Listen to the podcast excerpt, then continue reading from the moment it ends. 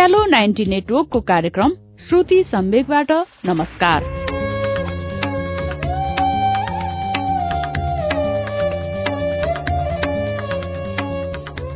उज्यालो ninety नेटवर्कमा हरेक मंगलबार र शुक्रबार राति सवा नौ बजे कार्यक्रम श्रुति सम्वेक प्रसारण हुन्छ। देशभरिका अठारवटा एफएम रेडियो स्टेशनहरूबाट एकैसाथ प्रसारण भइरहेको कार्यक्रम श्रुति सम्वेगमा हामी वरिष्ठ साहित्यकारहरूका उत्कृष्ट गद्यहरू वाचन गर्दछौं। श्रुति सम्वेकको मंगलबारको श्रृंखलामा गएको दुई सातादेखि हामीले कृष्ण धरावासीको नयाँ उपन्यास आधा बाटो लिएर आएका छौं। भर्खरै बजारमा आएको यो उपन्यास कृष्ण धरावासीको आत्मकथाको रूपमा प्रकाशित छ। कृष्ण धरावासीको वास्तविक नाम कृष्ण प्रसाद भट्टराई हो। कुल तीन सय चौरासी पृष्ठ रहेको उपन्यास आधा बाटोको गएको श्रृंखलामा हामीले कृष्ण धरावासीको बाल्यकालका रमाइला प्रसंगहरू सुन्यौं। बाल्यकालका उहाँका प्रसंगहरू अझै बाँकी नै छन्। सुनौ पृष्ठ चौतिसदेखि आधा बाटो अच्युत घिमिरेको आवाजमा।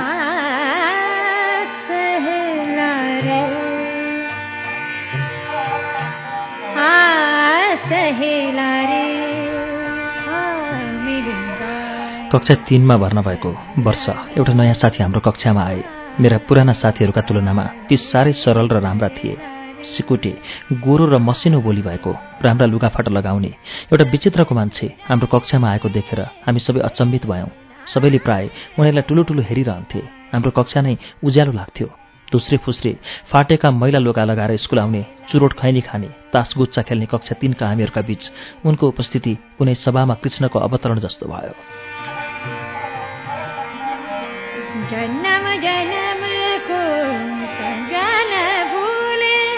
अब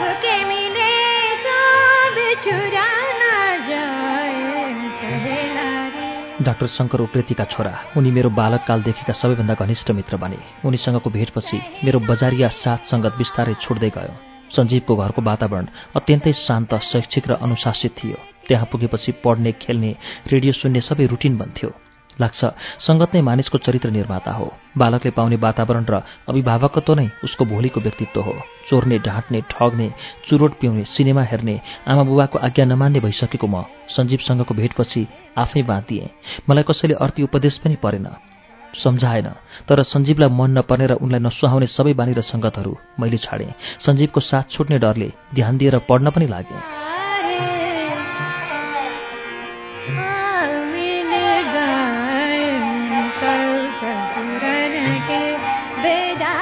सञ्जीव आएपछि हाम्रो कक्षामा अरू कसैले प्रथम हुन पाएन तर म भने सदा उत्तीर्ण मात्र हुन्थेँ। अङ्ग्रेजी विषय मेरो समस्या थियो। घरमा त्यो सिकाउने कोही थिएनन् ट्युसन पढ्न सकिएन र अङ्ग्रेजीप्रतिको हीन भावना मलाई पछिसम्म नै समस्या परिरह्यो। अङ्ग्रेजीमा फेल नै त हुनु परेन तर जान्दछु भन्ने आत्मविश्वास पनि कहिल्यै जाग्न सकेन। सञ्जीव मेरो बालनायक थिए। उनलाई हेरेर उनको खुसी र इच्छा मेरो सन्तुष्टि थियो। हुन त म उनलाई एउटा असल मित्रताभन्दा बढ्ता केही दिन सक्दिनथेँ। स्कुलमा खाजा खुवाउने मिठाई खुवाउने डुलाउन लैजाने आर्थिक खर्च सबै उनकै हुन्थ्यो। पछि पछि म पनि सञ्जीवलाई सायद बानी भएँ मसँग कुनै कारणले भेट नभए वा छुट्टीमा उनी कहाँ म नपुगे मलाई खोज्दै सञ्जीव सातपत्रेसम्म आइपुग्थे।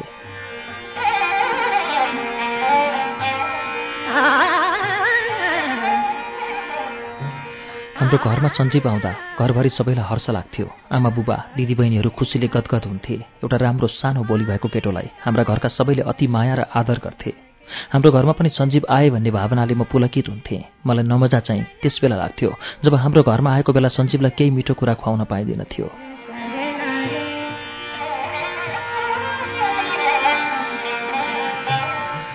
कतिपल्ट मैले सञ्जीवकोमा खाना खाएको थिएँ। त्यस्तो खाना त हाम्रो घरमा कहिल्यै सम्भव हुन्थ्यो र। एक दिन सबैले कर गरेर सञ्जीवलाई हाम्रोमा खाना खुवायौँ। लाल धानको मोटो चामल र झोला हालेको सिमीको त्योन थियो। सञ्जीवलाई त्यो खाना निल्न परेको कठिनाई घरका सबैले अनुभव गरे। डाक्टर शङ्कर उप्रेती दुई हजार छब्बिस सालमा शनिश्चरी अर्जुन धारा आउनुभएको हो। सरकारी जागिरबाट राजीनामा दिएर स्वतन्त्र पेसा अप्नाउन उहाँ हाल रहेको अर्जुन धारा दुईमा घर बनाई त्यही घरमा अस्पताल सञ्चालन गराउन थाल्नुभयो। दुई हजार छब्बिस सालमा शनिश्चरी बजार झापाको एक अत्यन्तै चल्तीको बजार थियो। पहाडको फेदीमा बसेको एक प्रमुख व्यापारिक केन्द्र नै थियो त्यो। बाक्लो जनघनत्व भएको र पहाड मधेसको सङ्गमका रूपमा रहेको यस ठाउँमा वास्तवमा एक राम्रो चिकित्साको खाँचो थियो। त्यसबेला शनिश्चरीमा केही अनुभवी स्वास्थ्य सहायकहरू मुरली भट्टाचार्य र सुब्बा थिए। उनीहरू सबैलाई डाक्टर नै भनिन्थ्यो। पछि मुरली चाहिँ सिलिगुडी गए। भट्टाचार्य र सुब्बा भने अझै पनि सेवा गरिरहेकै छन्। डाक्टर शङ्कर उप्रेती शनिश्चरीमा स्थायी चिकित्साका रूपमा आएर बसिदिएपछि यस क्षेत्रका मानिसहरूलाई साह्रै ठूलो राहत मिल्यो।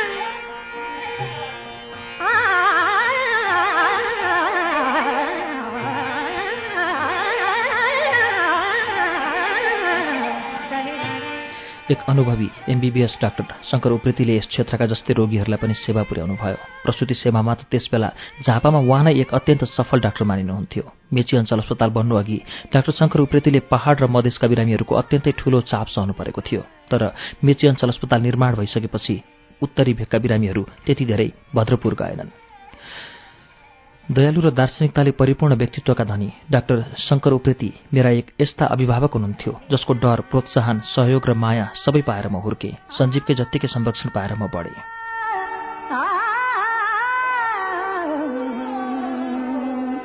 भरे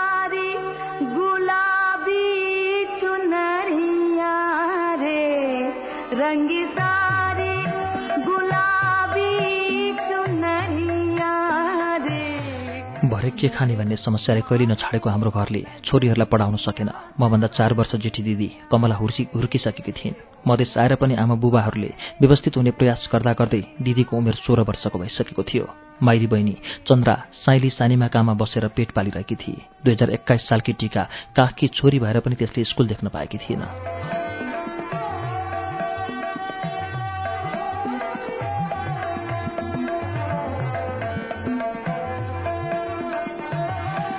दुई हजार अठाइस साल फागुनमा बुधबारे छ बस्ने श्री टिका प्रसाद मैनालीसँग दिदीको विवाह भयो। घरको अवस्था कमजोर नै भएको भए पनि ऋणपान गरी राम्रैसँग दिदीको विवाह भएको मलाई स्मरण छ।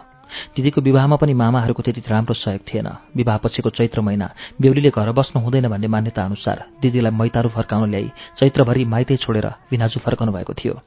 त्यो दिन चैत्र महिनाको उन्नाइस गति बिहिबार थियो। एउटा राम्रो धार्मिक सिनेमा पारस टाकिजमा लागेको थियो। आमा दिदी म र छिमेकका एक दुईजना अरू पनि भई सिनेमा हेरेर राति दस बजीतिर घर पुगेका थियौँ।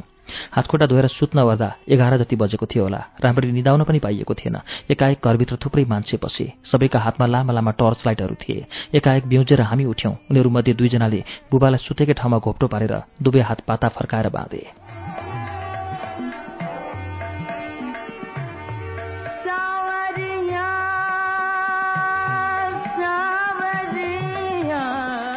आमा र दिदी गुहार गुहार भनेर कराउन थाल्नुभयो। चुप लाग भन्दै तिनीहरूले लात्तै लात्ताले दिदीलाई ढाडमा हिर्काए। बुबाले सुतेकै ठाउँबाट भन्नुभयो भाइ हो मान्छेलाई केही नगर जे जे लानु सलै जाओ। तिमीहरू पनि भो हल्ला नगर। उनीहरूले मागेको दिएर पठाओ। बुबाले भने पनि आमा कराउन छोड्नु भएन। एउटा मान्छेले आमाको पिठ्यौमा छुरीले हान्यो तर छुरी नगाडिएर छुरीको धारभन्दा उल्टापट्टि परेकाले छाला मात्र सोरेर लगेछ। आमा कराउन छोड्नु भयो। त्यस बेलासम्म तिनीहरूले दराज फोरिसकेका दिदीका गहनाहरू खोजिसकेका थिए। कसरी हो? आमाले दिदीको एउटा तिलहरी भने चुडाएर गुन्द्रीमुनि चेप्नु भएछ। मैले हेरेँ। हाम्रो घरभित्र पाँचजना मान्छे पसेका थिए। तीमध्ये एउटाले मुखमा सेतो टालो बाँधेको थियो। बाँकी चारजनाले अनुहारमा कालो पोतेका थिए। सेतोपट्टि बाँधेको बोली चिने जस्तो लाग्यो सबैलाई तर ठम्याउन सकिएन।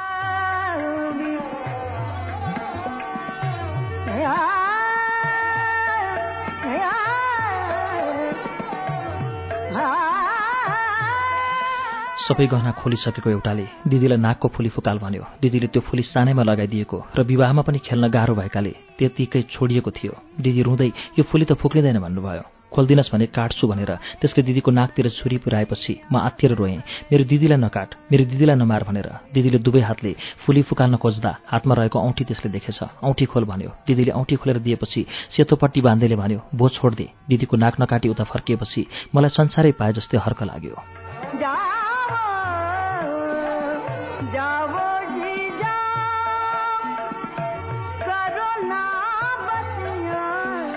तिनीहरूले दराज फोरेर दराजमा भएका जिनिसहरू छानिरहेका थिए। दराजमा पुराना जमानाका पैसाहरू बुबाले जतनसाथ राख्नुभएको थियो। यी पैसाहरू पछि महँगो दाममा बिक्छन् भन्नुहुन्थ्यो। कस्तै अभर पर्दा पनि बुबाले ती पैसाहरू चलाउनु भएको थिएन। तिनीहरू ती पैसाहरूलाई लाइटले ध्यानपूर्वक हेर्न थाले। दराजमा राखेको महको बोतलबाट मह खनाएर पिउन थाले। त्यसै बेला मैले सम्झेँ साइला काकासँग खसी काट्ने लामो कत्ती थियो। उहाँ खुबै बलियो पनि हुनुहुन्थ्यो। यी बसिरहेका बेला साइला काका त्यो कत्ती लिएर आउनुभए सबैलाई काटिदिनुहुन्थ्यो भन्ने सोचेँ। तिनीहरूले थाहा नपाई बिस्तारै बाहिर निस्के। पहिलो ढोकाबाट छिरेर दोस्रो ढोका पार गरेपछि आँगनमा पुगिन्थ्यो। त्यहाँबाट पाँच सात मिनट कुदेर गए। काका घरमा पुगिन्थ्यो तर बाहिर निस्कने ढोकामा पुग्न साथ झिलिक्क भएको थियो। त्यसपछि मैले थाहा पाउँदा मलाई आमाले काखमा टाउको राखेर रगत पुछिरहनु भएको थियो। दिदीबहिनीहरू रोइरहेका थिए। बुबा सबैलाई सम्हाइ सम्झाइरहनु भएको थियो। मेरो निधारमा गहिरो चोट लागेको रहेछ। बिहान आँगनमा काँचो बाँसका लाठाहरू देख्यौँ। तिनैमध्ये कुनै एकले मलाई हिर्काएको हुनुपर्छ भन्ने लाग्यो।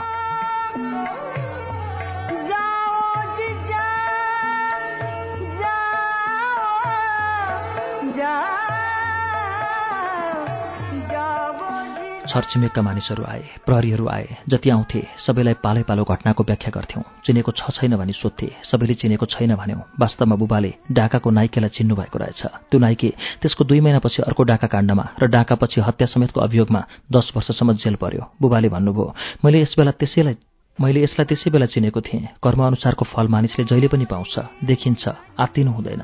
हाम्रो घरमा डाका लाग्यो। गरिबका घरमा त्यति धेरै त के नै थियो र? मङ्गलबारका दिन कैला डुब्बामा लगी एक हुल एक हल गोरु बेचेको सोह्र सय नगद रहेछ बुबासँग।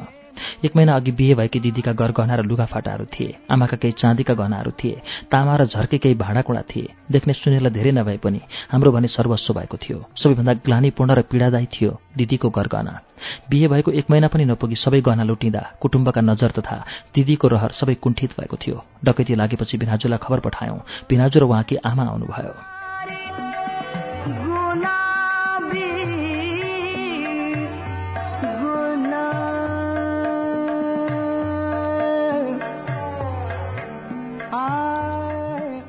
मेरो निधारको चोट आमाको ढाडको घाउ बुबाका नारीमा भएको डोरीको डाम दिदीका ढाडमा देखेका निला निला दागहरू सबैले त्यो रातको हाम्रो अवस्थाको चिच्चाइ चिच्चाइ चित्रण गरिरहेको थियो।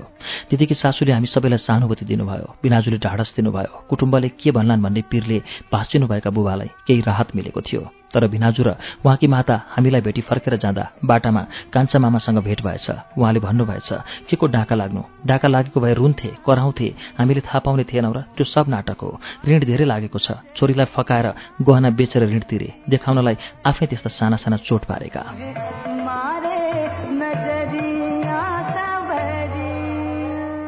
मामाको कुरा सुनेर भिनाजु र उहाँकी माता छक्क पर्नुभयो। पछिसम्म पनि दिदीकी सासू हाम्रा मामाहरूको बुद्धिको स्मरण गरिरहनुहुन्थ्यो। बुबाले आँखाभरि आँसु पारेर सम्धिनी र छोरीलाई भन्नुभयो मलाई ठूलो दशा लाग्यो शत्रु लाग्यो तर म हारेको छैन। म मेरी छोरीलाई जसरी पनि गहना हालिदिन्छु तपाईँहरूले चित्त नदुखाइदिनु। तर बुबाले आफ्नो जीवनकालमा दिदीलाई गहना हालिदिन सक्नु भएन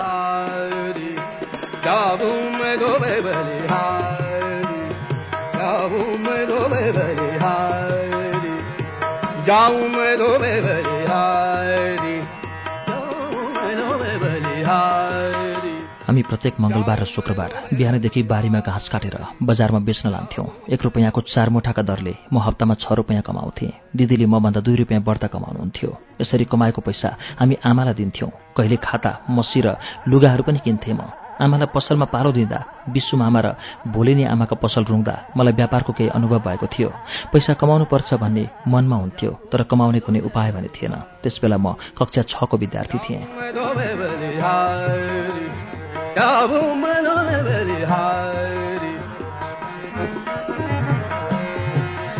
शनिश्चरी प्रहरी चौकीको गेट पश्चिमको घर मुरलीधर गट्टानीको थियो। म सधैँ त्यहाँ अगाडिबाट हिँडिरहँदा मुरलीधर गट्टानीकी श्रीमतीले हेरिरहन्थिन्। कहिलेकाहीँ बोलाएर लड्डु पेडा दिने गर्थिन्। उनले मलाई किन माया गर्थिन्? त्यो पछिसम्म पनि थाहा पाइन। तर आफ्नै छोरो नाति जस्तो गर्थिन्। एक दिन उनले भनिन् नानी त रुखमा चढ्न सक्छस्। आजसम्म चढेको छैन। मैले उत्तर दिएँ। उनले आँगनको अम्बकको रुखतिर देखाउँदै भनिन् हेर अम्बक कति मजाले पाकेको छ। रातभरि चमेराले खाएर आँगनभरि फोहोर पारिदिन्छ। त सक्छस् भने सधैँ आएर पाकेको पाकेको टिपेर लैजा अनि बेच। Benim अम्बकको रुख धेरै ठुलो थिएन। सक्छु जस्तो लाग्यो। एउटा झोला मागेर चढ्न खोजेँ। चढ्न सकेँ। डराउँदै डह्रो गरी हाँगा समाउँदै बिस्तारै एक एक गर्दै अम्बकहरू टिप्दै गरेँ। त्यो दिन मैले एक सय जति अम्बक टिपेँ। बजारमा लगेर आमालाई देखाएँ। आमा छक्क पर्नुभयो। सबै कुरा बताएपछि उहाँले रुख चढेको कुरालाई त्यति मन पराउनु भएन। तर पाकेका ताजा अम्बक चारनाको तिन गोटाको दरले फटाफट बिक्यो। एकैछिनमा मैले साढे आठ रुपियाँ कमाएँ। पाँच रुपियाँ आमालाई दिएर साढे तिन रुपियाँ बोकी फेरि गएँ। गट्टानी आमालाई सबै कुरा भने उनको अनुहार उज्यालो भयो। मैले भने अम्बक त छिटै बिक्दो रहेछ। सधैँ लानुपर्दा तपाईँले तपाईँले पनि अलिकति पैसा राखेर मलाई बेच्नुहोस् म व्यापार गर्छु। त यति सानो छस् स्कुल पढ्ने मान्छेले कसरी व्यवहार गर्छस्? म स्कुल छुट्टी भएपछि आउँछु अनि टिपेर बेच्छु। उनले हुन्छ भनिन्। मैले उनलाई तिन रुपियाँ पैसा दिन खोज्दा भनिन् आजको पैसा तै राख भोलिदेखि दिनु। बिक्यो भने मात्र दिनु। त्यसपछि दिनै पछि गरी मैले झन्डै एक महिना जति अम्बक बेचेँ त्यसरी बेचेको एक सय पचास रुपियाँ भएको थियो। त्यो पैसाले मैले कक्षा सातका लागि पुस्तक र पोसाक किने।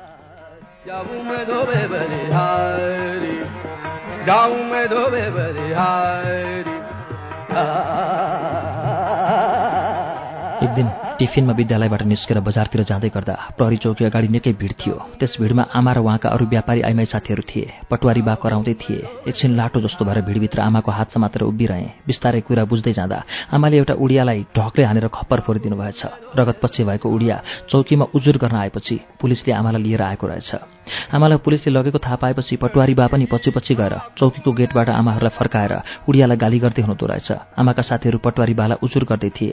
यसमा माइलीको केही दोष छैन। त्यो उडिया रक्सीले मातेर आएर जहिले पनि यिनलाई कस्तो नराम्रो गरी हेर्ने खैनी किन्ने न्युले हात समात्न खोज्ने गर्थ्यो। आज त त्यसले जिउमै हात हारुला जस्तो गर्यो। व्यापारी हुँदैमा कति सहनु? तिनै उडिया मोराहरूले खैनी नकिने किन्दैनन्। माइलीले आज त्यसलाई ढकले हानेकै हो। हामी आइमाईले गरी खान नपाउनु मालिक पटवारी बाले प्रहरीसँग भन्नुभयो। हामी हुँदाहुँदै हाम्रा छोरीचेलीहरू चौकी पस्दैनन् प्रहरी नानी। यी बजे मेरो जमानीमा रहिन्। चाहिए पछि आउँछिन् तर यी उडिया मोराहरूलाई ठिक पार्नुपर्छ। त्यसलाई यो ठाउँबाट खेदिहाल।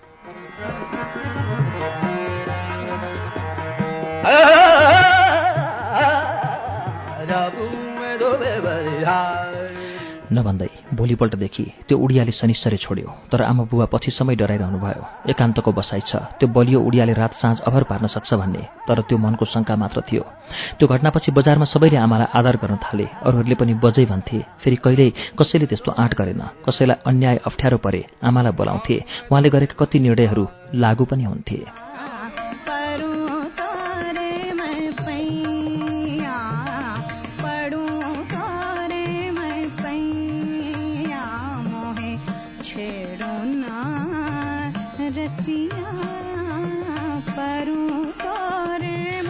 दुई हजार अठाइस सालमा म कक्षा पाँचको विद्यार्थी थिएँ। विद्यालय छुट्टी हुनासाथ दोकानमा जान्थेँ। आमासँग खाजा खाने पैसा माग्थेँ। मुरै र चिया खाएर कहिले भोकै सञ्जीवसँग खेल्न जान्थेँ। साँझसम्म उनीसँग खेलेर दोकान उठाउने बेलामा आउँथेँ र आमासँग घर आउँथेँ। मेरो अधिकांश समय आमासँग नै बित्थ्यो। बुबासँग डर लाग्थ्यो। सुत्ने बेलामा मात्र म बुबाका छेउमा लुसुक्क कुस्रन्थेँ। तर बुबाले पनि मलाई माया गरेर चेपेर न्यानो पारेर सुताउनुहुन्थ्यो। बजारबाट सातपत्री अलिक एकान्त र निर्जन ठाउँमा पर्थ्यो त्यहाँ पुग्ने सडक थिएन। पैनीको डिल र खेतको आली हुँदै जानु पर्थ्यो। जहिले पनि अँध्यारोमा घर फर्किन्थ्यौँ हामी। पैनीको डिलै डिल। दिउँसो त्यही बाटो हिँड्दा कतिपल्ट सर्पहरूसँग जम्का भेट हुन्थ्यो। तर रात कहिले पनि सर्पसँग भेट भएन। जहिले पनि सर्पले डस्न सक्ने सम्भावनाबाट हामी यात्रा गर्थ्यौँ।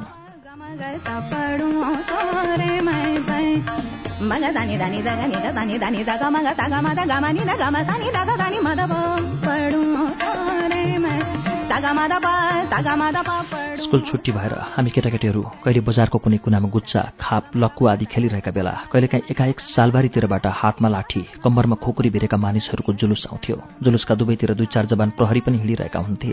जोड जोडले कराउँदै उफ्रिँदै मानिसहरू नारा लगाउँथे। जनवादी शक्ति एक हौ किसान एकता जिन्दाबाद शोषक सामन्ती मुर्दाबाद आदि। त्यस्तो जुलुस आउनासाथ हतार हतार मानिसहरू दोकान उठाउँथे। एकै क्षणमा बजार सुनसान हुन्थ्यो। तर हामी केटाकेटीहरूलाई भने रमाइलो लाग्थ्यो। हामी पनि खेल्न छोडेर जुलुसका पछि पछि कराउँदै जान्थ्यौँ। प्रहरीले लाठी उज्याएपछि भने हाम्रो सातो पुत्लो उठ्थ्यो र टल्ला परेर जुलुस गइरहेको हेर्थ्यौँ।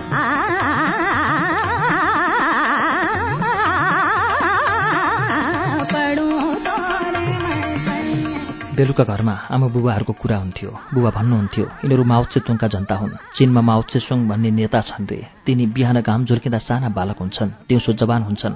बेलुका बुढो हुन्छन्। तिनको चिउँडोमा एउटा कोठी छ अरे। त्यो कोठी बिस्तारै सरेर मुखभित्र पसेका दिन तिनी मर्छन् भन्ने भनाइ छ। बुबाका कुराले मलाई अनौठो रमाइलो लाग्थ्यो। म कल्पना गर्थेँ बिहान घामसँगै जन्मने। घाम जस्तै बढ्दै जाने र घाम जस्तै बुढो हुँदै जाने मान्छे कस्तो हुँदो हो? त्यसलाई देख्न पाए त्यस्तै हुन पाए कस्तो मजा हुन्थ्यो। तर चिउँडामा कोठी चाहिँ नहोस्।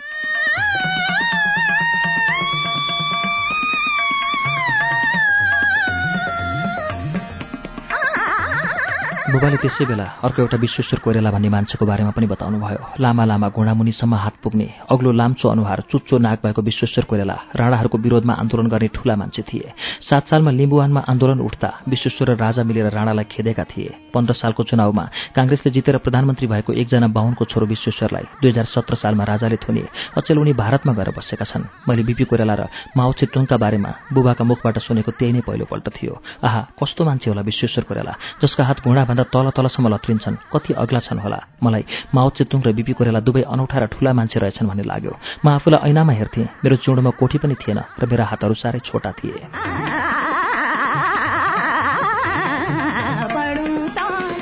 दुई चार दिन दुई चार दिन बिराएर जुलुस आइरहन्थ्यो। बिस्तारै मानिसहरूलाई जुलुस बानी पर्दै जाँदै पनि थियो। हामी केटाकेटीहरू पनि जुलुसका अघिपछि कुदिरहन्थ्यौँ। यस्तै एक दिन स्कुल पुग्ने बित्तिकै स्कुल छुट्टी भयो। स्कुलमा गाँठो गाँठो परेर मानिसहरू कुरा गरिरहेका थिए।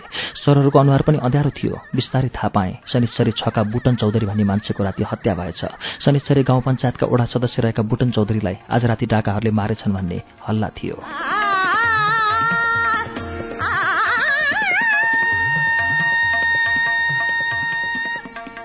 हामी अहिले उज्यालो नाइन्टी नेटवर्कको कार्यक्रम श्रुति सम्वेगमा उपन्यासकार कृष्ण धरावासीको उपन्यास आधा बाटो सुनिरहेका छौं।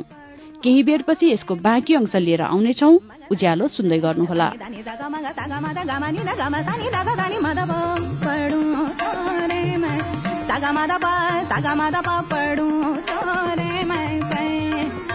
ग ग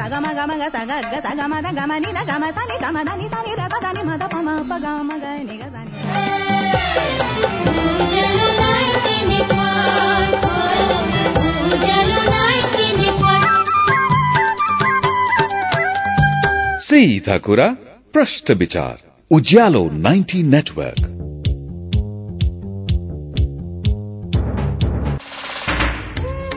कार्यक्रम श्रुति सम्वेक तपाई अहिले उज्यालो नाइन्टी नेटवर्क काठमाडौँ सँगै इलाम एफएम झापाको एफएम मेची ट्युन्स बर्दिवासको रेडियो दर्पण दोलखाको कालिन्चोक एफएम वीरगंजको नारायणी एफएम हेटौडा एफएम चितवनको रेडियो त्रिवेणीमा सुनिरहनु भएको छ।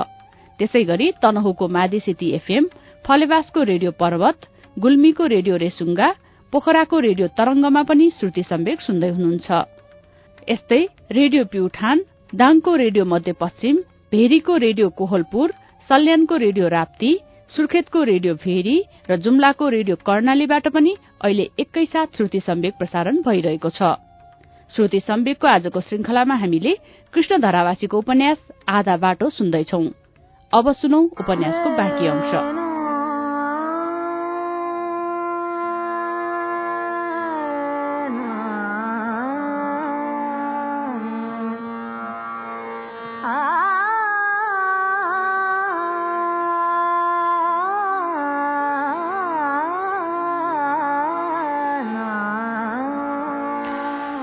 दुई हजार अठाइस सालमा कक्षा पाँचको विद्यार्थी थिएँ म। हामी हाम्रो विद्यालय घरको सबैभन्दा पूर्वमा आइपुगेका थियौँ। अब अर्को वर्षमा हामी हाई स्कुलमा जान्थ्यौँ। कक्षा पाँचमा रहेको वर्ष मलाई घरिघरि किन सम्झना आइरहन्छ भने त्यही वर्ष राजा महेन्द्रको स्वर्गारोहण भएको थियो। त्यसै वर्षमा शनिश्चरीमा नारा जुलुस र मान्छे काट्ने घटनाहरू भएका थिए र त्यसै वर्ष पहिलोपल्ट हाम्रा सर हस्त परियारले हामीलाई कक्षामा साहित्यिक कार्यक्रम गराउन थाल्नु भएको थियो। एक बिहिबार उहाँले भन्नुभयो भोलि शुक्रबार सबैले एक एकवटा कथा कविता लिएर आउनु। घरमा गएँ। भोलिका लागि के लेख्ने भनेर। घरमा भएका किताबहरू पढ्न थालेँ। एउटा रमाइलो नानी भन्ने किताब थियो। त्यसमा एउटा कथा रहेछ। त्यही कथा खातामा सारेँ।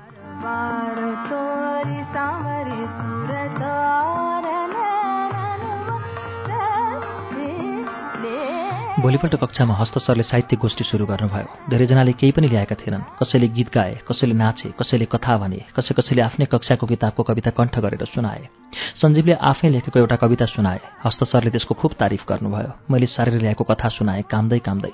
अब प्रत्येक शुक्रबार हस्त सरको कक्षा यस्तै रमाइलो गरी मनाउने भन्ने नियम बस्यो। हामी प्रत्येक हप्ता केही न केही लेखेर ल्याउँथ्यौँ। सञ्जीवका कविताहरूको सधैँ तारिफ हुन्थ्यो। म भने जहिले पनि कुनै न कुनै किताबबाट कथा नै सारेर ल्याउँथेँ। नाच्ने गाउने कविता भन्ने बानी बस्दै गयो।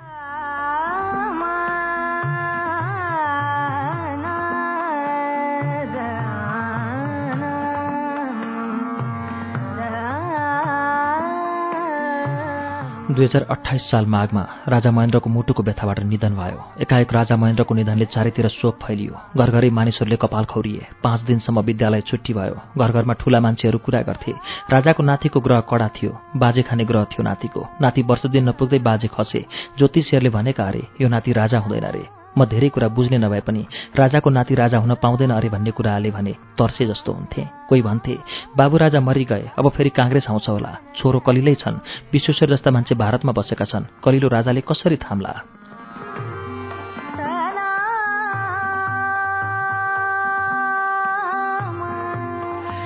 लामा लामा हात भएको अग्लो विश्वेश्वर आउँछन् होला भनेको सुन्दा चाहिँ भित्र कहीँ मनमा अब तिनलाई देख्न पाइन्छ कि जस्तो लाग्थ्यो। चौडामा कोठी भएको बिहान जन्मने दिउँसो जवान हुने र बेलुका बुढो हुने माओ चेतुङ चिनको राजालाई देख्न नपाए पनि विश्वेश्वरलाई त देखिने भयो भन्ने लाग्थ्यो मनमा।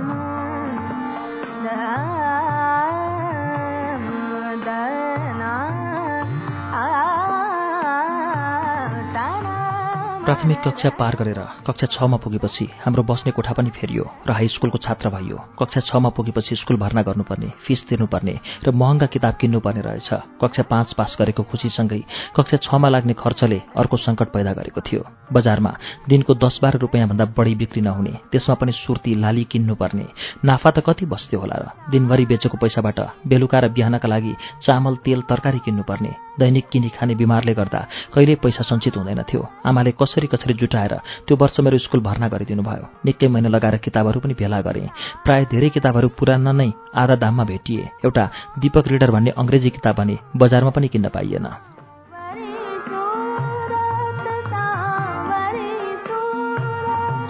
एक दिन सुन्यौँ दीपक रिडर बिर्ता बजारमा किन्न पाइन्छ। त्यो सुनेपछि सञ्जीव म ओम प्रकाश तिमिल सिन्हा गोपाल कणेल र भिखमचन्द्र मित्तल शनिश्चरीबाट किताब किन्न हिँडेर बिर्ता बजार झऱ्यौँ। मसँग दीपक रिडर किन्न पुग्ने सात रुपियाँ मात्र थियो। सञ्जीव र भिखमाले अलिक बढी पैसा बोकेका रहेछन्। ओम प्रकाश र गोपाल कणेलसँग पनि पैसा रहेनछ तर बाटाभरि पैसाको कुरै गरिएन। पैदलै हिँडी बिर्ता बजारमा पुगेर एउटा पुस्तक दोकानमा सोध्यौँ त्यहाँ त्यो किताब थिएन। दोकानेले भन्यो हिमालय पुस्तक पसल भद्रपुरमा मात्र त्यो पाइन्छ।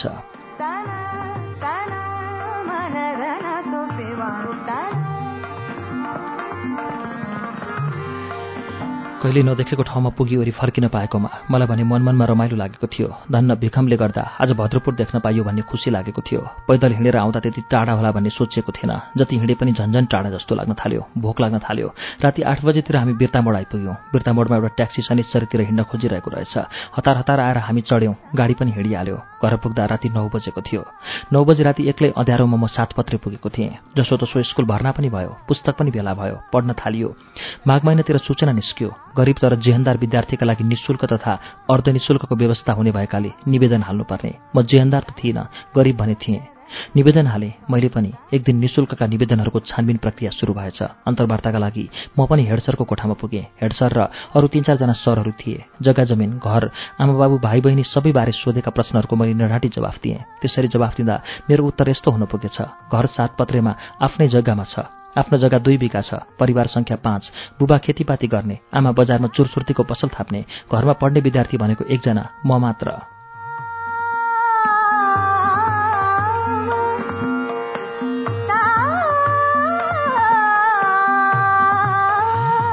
अन्तर्वार्ता दिएर बाहिर आएँ। बाहिर आइपुग्दा पनि म अझै थरथर कामिरहेको थिएँ। त्यत्रा सरहरूको अगाडि त्यसरी बोलेको त्यो पहिलोचोटि थियो। मैले सोधेका प्रश्नहरूको जवाफ दिनुभन्दा काम्नु बढ्ता गरेछु भित्र पनि। पछि निशुल्क अर्धनिशुल्क पाउनेहरूको नाम प्रकाशित भयो। त्यसमा मेरो नाम थिएन। मेरै कक्षाका पनि मैले नै पनि राम्ररी चिनेका निकै धनी मान्छेका छोराहरूको नाम कसैको निशुल्कमा कसैको अर्धनिशुल्कमा निस्केको थियो। आफ्नो नाम ननिस्केकोमा मलाई साह्रै नै पिर पर्यो। त्यो वर्ष महिनै पछि स्कुलका मासिक रु छ तिर्न हामीलाई साह्रै गाह्रो परेको थियो। फेरि खाता मसी म प्रशस्त खर्च गर्थेँ पढ्नुभन्दा बढी लेख्ने गर्थेँ। पढेर भन्दा लेखेर छिटो याद हुन्थ्यो मलाई तर जति नै लेखे पनि मेरा अक्षर भने राम्रा हुन सकेनन्। मैले अक्षर राम्रो बनाउनेपट्टि ध्यान पनि दिइनँ। मलाई सानैदेखि प्राविधिक प्रकारका काम मन पर्दैन थियो। अक्षर राम्रो पार्नु पनि प्राविधिक कार्य हुन्थ्यो क्यारे सायद।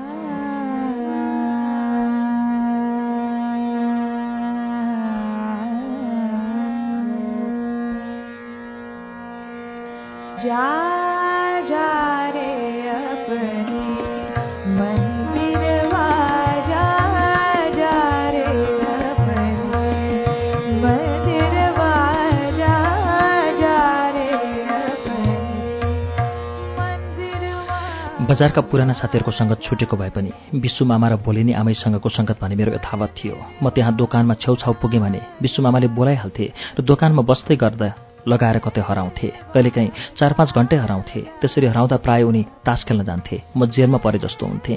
न छोडेर हिँड्नु न बसिरहनु। आफूलाई पनि साथीहरूसँग खेल्न जान हतार लागेको हुन्थ्यो। तर जस्तो भए पनि आफ्नो जिम्माको काम मैले सधैँ पुरा गरेँ। उनको दोकान राम्ररी चल्थ्यो। मलाई प्राय दोकानका सबै वस्तुको मूल्य थाहा थियो। जति नै भिड भए तापनि म सुरैसँगले सबैलाई सामान दिन्थेँ। जति पैसा आउँछ गल्ला खुल्लै हुन्थ्यो। त्यहीँ राख्थेँ साटेर फिर्ता पनि दिन्थेँ। एक दिन यस्तै शनिबारको दिन थियो। म आमासँग बिहानै बजार पुगेको थिएँ। शनिबारका दिन बिहानै जो जो भए पनि आमाका साथमा एकजना जानै पर्थ्यो। शनिबार नै थियो। हप्ताभरिका लागि चाहिने सरसामान किन्ने खास गरी सोती त शनिबार नै किन्नु पर्थ्यो।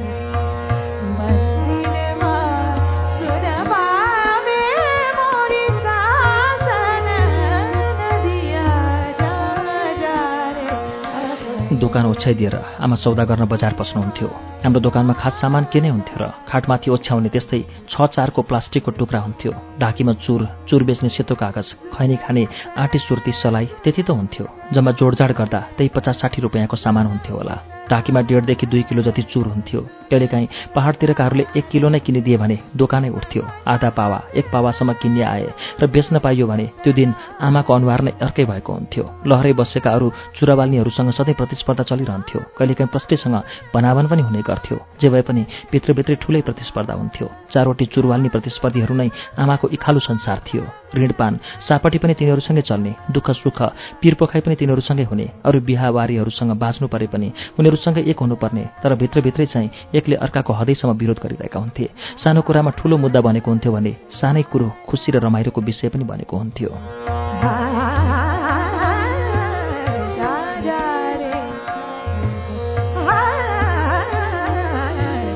आमाका चुर बेच्ने अरू साथीहरूमा भुजेल्नी कम्मर्नी खुलाल्नी प्रसाइनी सिटौलिनी आदि आइमाई साथीहरू थिए। यीमध्ये प्रसाइनी मालदिदी बाहेक सबै नै आमाभन्दा उमेरले जेठी थिए। यी कोही पनि एकअर्कामा सबै ठ्याक्क मिलेको दिन भने कहिले आएन। कहिले को को मिलेर कसको विरोध गर्ने? कहिले को को मिलेर कसको? आज आन्द्रो गाँसिए जस्तो भोलि नबोल्ने भइरहेका हुन्थे। यिनीहरूको आपसी तनावको खास कारण भने सुर्ती हट्टीमा सुर्ती किन्दा वा दोकानमा एकअर्काको ग्राहक भड्काएको विषयमा हुन्थ्यो। सुर्ती किन्दा दुई चार रुपियाँ नपुग्दा एक क्षण पनि सापट नपत्याएको विषय साह्रै इखालो हुन्थ्यो भने एउटाको चुर चाखेर किन्न किन्न आँटेको ग्राहकलाई आफ्नातिर बोराएर अलिकति थपिदिँदै बेच्नाले बाजा बाजको स्थिति आउँथ्यो।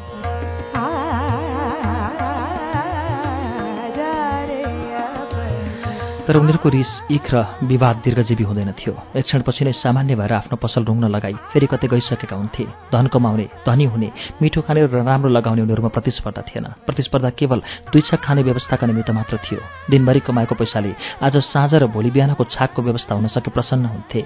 जब आमाले तीन बजा तीन बजेतिर एक केजी चामल किन्नुहुन्थ्यो उहाँ त्यो दिन प्रसन्न भइसक्नुहुन्थ्यो। शनिबारको दिन सदाको भन्दा धेरै बित्थ्यो। कहिले त पचास रुपियाँ जति पनि हुन्थ्यो शनिबार चाहिँ चुरसुर्ती बाहेक फलफुल र तरकारी पनि खरिद गरेर बिक्री गर्नुहुन्थ्यो। शनिबार बुबा र म पनि आमालाई मद्दत गर्थ्यौँ।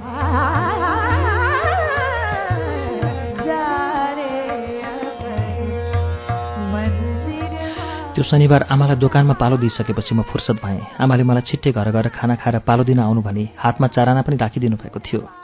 खुसी भएर चाराना पैसा गोजीमा हाली डुल्दै विश्व मामाको दोकानतिर गएँ। मलाई देख्ने बित्तिकै उनले भनिहाले मान्छे खोज्दै थिएँ आइपुगेछस्। एकछिन दोकानमा बस्दा आइहाल्छु भनेर उनी हिँडे। म सदा चाहिँ दोकानमा चढेर बसेँ।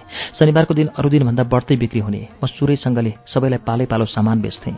पान बनाउन म सिपालु भइसकेको थिएँ। पानका सबै मसलाहरू चिन्ने र आफै पनि जर्दा पान मजाले खान थालेको थिएँ। कक्षा तिनको विद्यार्थी हुँदै म खैनी खान्थेँ। कहिलेदेखि खैनी खान सिकेँ थाहा छैन।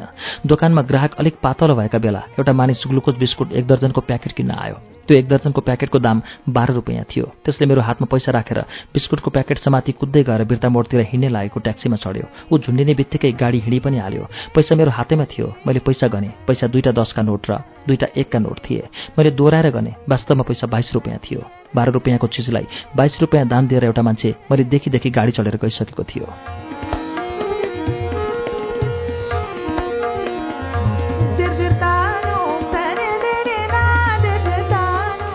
दस रुपियाँ दाम बढी मेरो हातमा आएपछि मनमा झट्ट कुरा खेल्न थाल्यो। यो बढी भएको दस रुपियाँ अब के गर्ने? गल्लामा राखे पनि विश्वमामालाई त्यो थाहा हुँदैन। अनि मनमा नै सोचेँ यो पैसामा विश्वमामाको केही हक छैन। उनको सामानको बाह्र रुपियाँ राखिदिए हुन्छ। बढी आएको पैसा मेरो हुनुपर्छ भन्ने सोची निर्णय गरेर त्यो दसको नोट गोजीमा राखी बाँकी बाह्र रुपियाँ गल्लामा हालिदिएँ। दोकानमा ग्राहकको भिड बढिरहेको थियो। म सामान बेचिरहेको थिएँ तर अब मेरो मन शान्त थिएन। म भित्र कहिले नभएको द्वन्द सुरु भइसकेको थियो। मैले ठिक गरेँ कि गरिनँ भन्ने सोचले म ग्रस्त हुँदै गएँ। आजभन्दा अघि मैले कहिल्यै त्यसरी अर्काको दोकानको पैसा गोजीमा हालेको थिइनँ। मैले बालकै भए पनि कमाएको विश्वास इमान्दारिताकै थियो। एकाएक मनमा तर्कन आयो। यदि केही गरी मेरो गोजीमा कसैले दसको नोट देखेर सोध्यो भने मैले के जवाफ दिने? विश्वमामाले नै भेट्यो भने मेरो अवस्था के होला? मैले साँच्चै कुरा बताएँ भने पनि तिनले पत्याउलान्। पहिला पहिला समेत कुनै चिज हराएको थियो भने त्यसको समेत अभियोग लाग्न सक्छ। अनि म दोकान त्यत्तिकै छोडिराखेर पिसा फेर्ने न्यु गरी कृष्ण मिलको कम्पाउन्डभित्र छिरेँ। गोजीबाट नोट झिकेर कट्टुको इजार घरभित्र त्यसलाई पल्टाएर सानो पारेर छिराएँ। अब ढुक्क भयो। तत्काल कसैले भेट्दैनन्। आएर फेरि दोकानमा बसेँ। विश्वमामाको अत्तो पत्तो थिएन।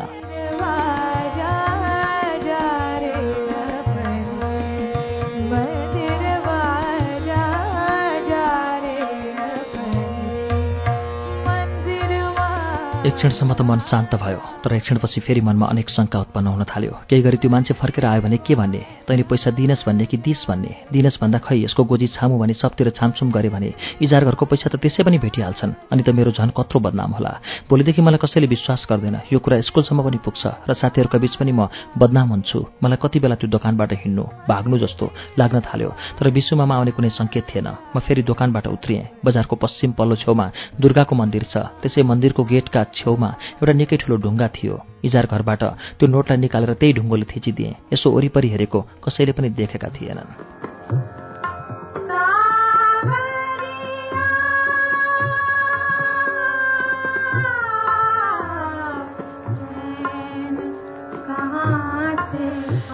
अब मलाई यति शरीर हलुङ्गो भयो कि फर्केर आउँदा त्यसै जिउ माथि माथि उडे झै लाग्थ्यो। दोकानमा अझै विश्वमा आएका थिएनन्। शान्त र धीरज भएर अब म व्यापार गर्न थालेँ। संसारको जस्तै शक्तिले पनि अब मलाई अपराधी बनाउन सक्दैन भन्ने विश्वासले म खुसी थिएँ। झन्डै दुई घन्टापछि विश्वमा आइपुगे। उनी आइपुगेपछि म दोकानबाट बिदा भएँ। हिँड्ने बेलामा उनले मलाई एक रुपियाँ पनि दिए। दोकानबाट उत्रिएर सरासरी म दुर्गा मन्दिर अघि पुगेँ ढुङ्गो पल्टाएँ पैसा जस्ताको तस्तै थियो। त्यसलाई त्यहाँबाट निकालेर गोजीमा राखी अर्को बाटो भएर घर आएँ। भात खाएँ। म ढिलो घर आएकोले आमाले पालो दिन बुवा गइसक्नु भएको रहेछ। खाना खाइसकेपछि एक क्षण म घर नबस्ने मान्छे त्यो दिन घरमै बसिरहेँ। बेलुका आमाले खबर ल्याउनु भयो एउटा मान्छे विश्वमामाको दोकानमा आएर दस रुपियाँ बढी पैसा छोडेको चर्चा गर्थ्यो रे। र विश्वमामाले त्यो केटा त्यस्तो छैन। तपाईँले त्यसरी बढी छोडेको भए उसले मलाई भन्थ्यो भन्दै सम्झाएर पठाएछन्। आमाले पनि मलाई खेर्नु भयो तर मैले होइन भनेरै टारेँ।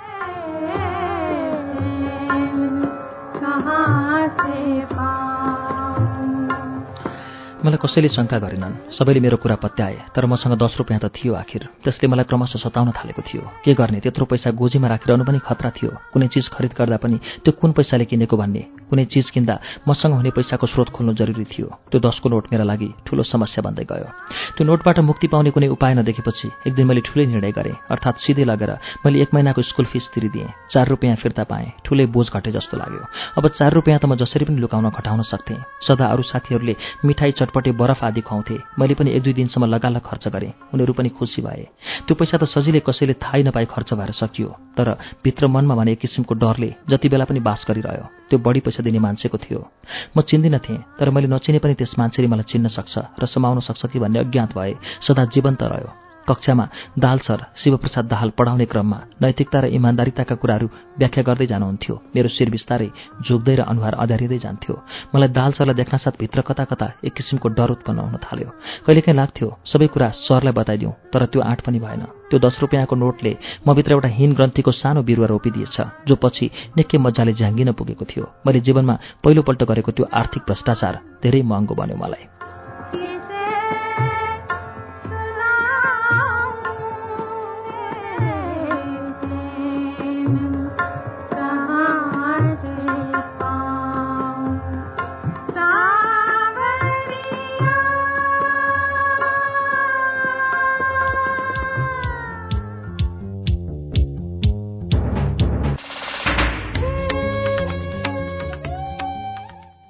श्रुति सम्वेगमा भर्खरै भाषण भएको कृष्ण धरावासीको नयाँ उपन्यास आधा बाटो थियो।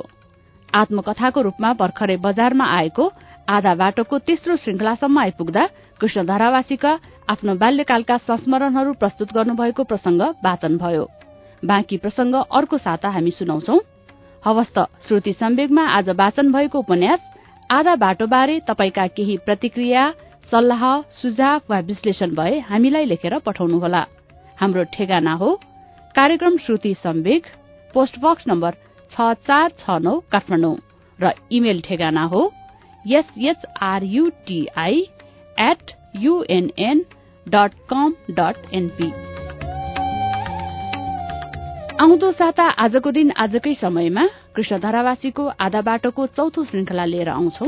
त्यसअघि शुक्रबारको श्रुति सम्वेगमा हामीले विश्वेश्वर प्रसाद कोइरालाको उपन्यास बाबु आमा र छोरा प्रसारण गर्छौं। त्यसबेलासम्मका लागि प्राविधिक साथी दिनेश निरौला र विशालजित पालिकेसँगै अच्युत घिमिरे र म मन्टेश्वरी राज भण्डारी पनि विदा पाऊ शुभरात्री।